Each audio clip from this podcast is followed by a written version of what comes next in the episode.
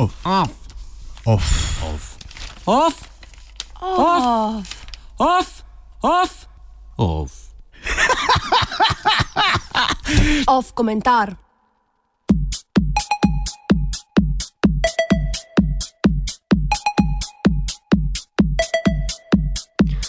Parameter Hype Train.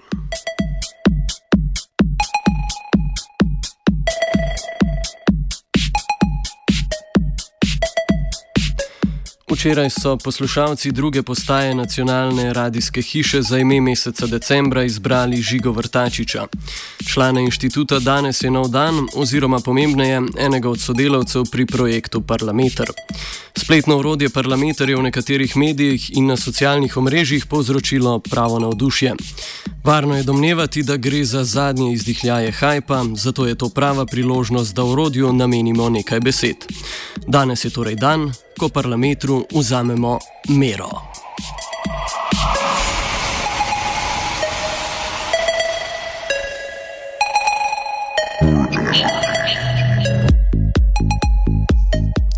Parlamentar je spletno orodje, ki naj bi omogočalo lažje spremljanje dela v državnem zboru.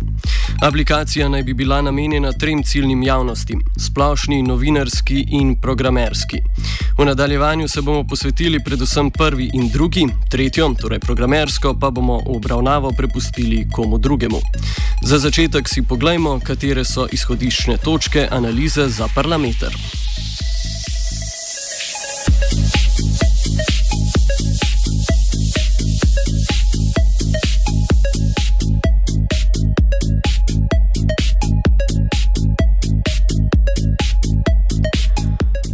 V središču parlamentrove obravnave so posamezni poslanci. Vsak poslanec ima svojo kartico, na kateri najdemo nekaj osnovnih informacij, kot so izobrazba, okraj izvolitve in poslanska skupina, ki ji poslanec pripada. Že v tej točki lahko vidimo prvi problem orodja. Slovenski parlamentarni sistem pač ni večinski, kjer lahko posamezni okraji svoje predstavnike pozivajo k odgovornosti na naslednjih volitvah. Mandati so podeljeni strankarskim listam in te so konec koncev tudi tiste, ki se preštejejo in omogočijo, da je nek pravni akt sprejet.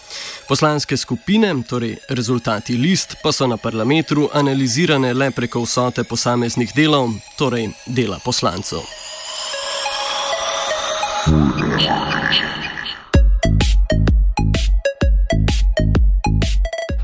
Vrnimo se zato k analizi poslanske kartice. Poleg razdelka s splošnimi informacijami bomo pri posamezni kartici našli še dva zavihka.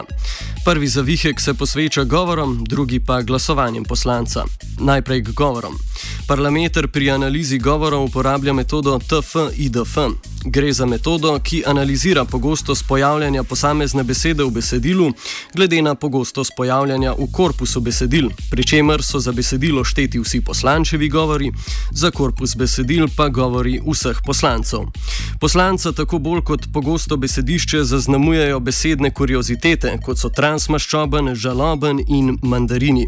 Če bi na primer izpostavljali najpogostejše besede, pa bi bili rezultati vezniki.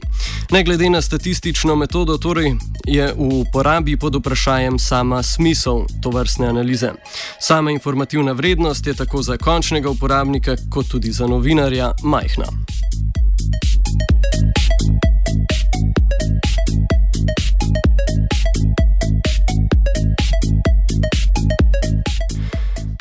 Glasovanje. Slednje se morda kaže kot bolj uporabna funkcija in tudi prvi pogled na zavihek glasovanja je obetaven. Ena od ploščic sicer prikazuje razrez glasovanj, ki pove, koliko krat posamezni poslanec glasuje za in koliko krat proti, kar je samo po sebi spet dokaj nekoristna informacija. Bolj koristna ploščica je tista, ki prikazuje, kako je poslanec glasoval v posamezni zadevi, naprimer dnevni red ali predlog zakona.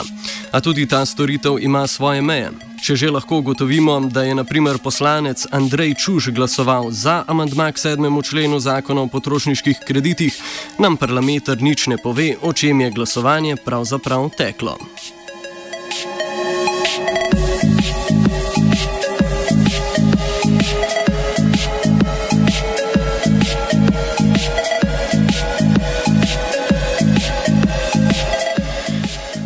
Ravno tot pa leži največja hiba parlamenta.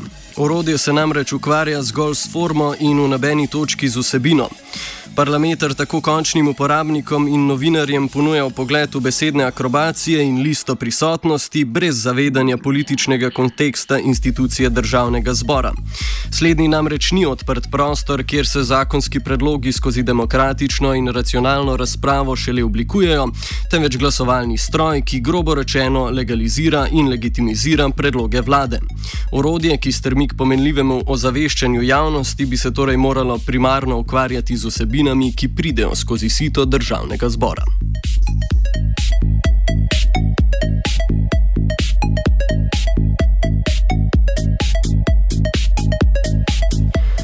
Na parlamentu pa po analizi vsebin niti dišine. Podatki o posameznih sejah, tako plenarnih kot delovnih teles, ne omogočajo niti dostopa do gradiv uporabljenih v seji. Spet smo vrženi v analizo besedišča in glasovalnih grozdov.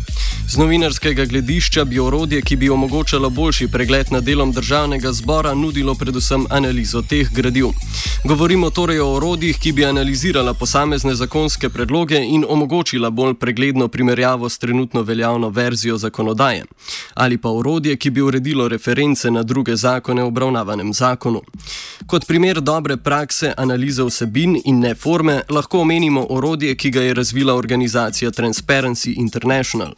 Ta je brez hajpa in hipsterskega dizajna na splet lansirala orodje Proračuni občin 2015, ki omogoča enostaven pregled posameznih postavk v proračunih občin. Nudi pa tudi možnost primerjave in enostavne računske operacije, ki delajo velike zneske bolj razumljive in primerljive.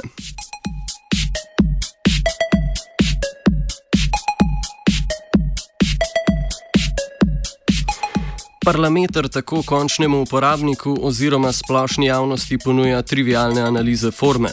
Za novinarski sektor pa je orodje pretežno nekoristno. Slečen vsake možnosti emancipatorne uporabe, parlameter tako ostane le še v ideološki funkciji. V grobem gre za liberalno ideologijo transparentnosti. Ta predpostavlja, da bi javno dostopni in urejeni podatki dovolj razhudili ljudi, da bi ti zamenjali politično elito.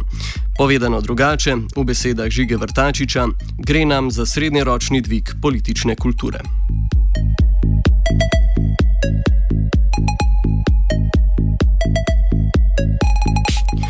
Parlamenter bi bil pravzaprav idealna uradna stran državnega zbora.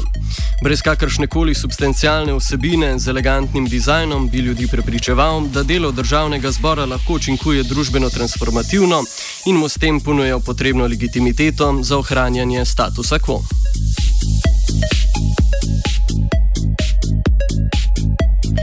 None of you are free from liberalism, pa vam tokrat sporočam zupan.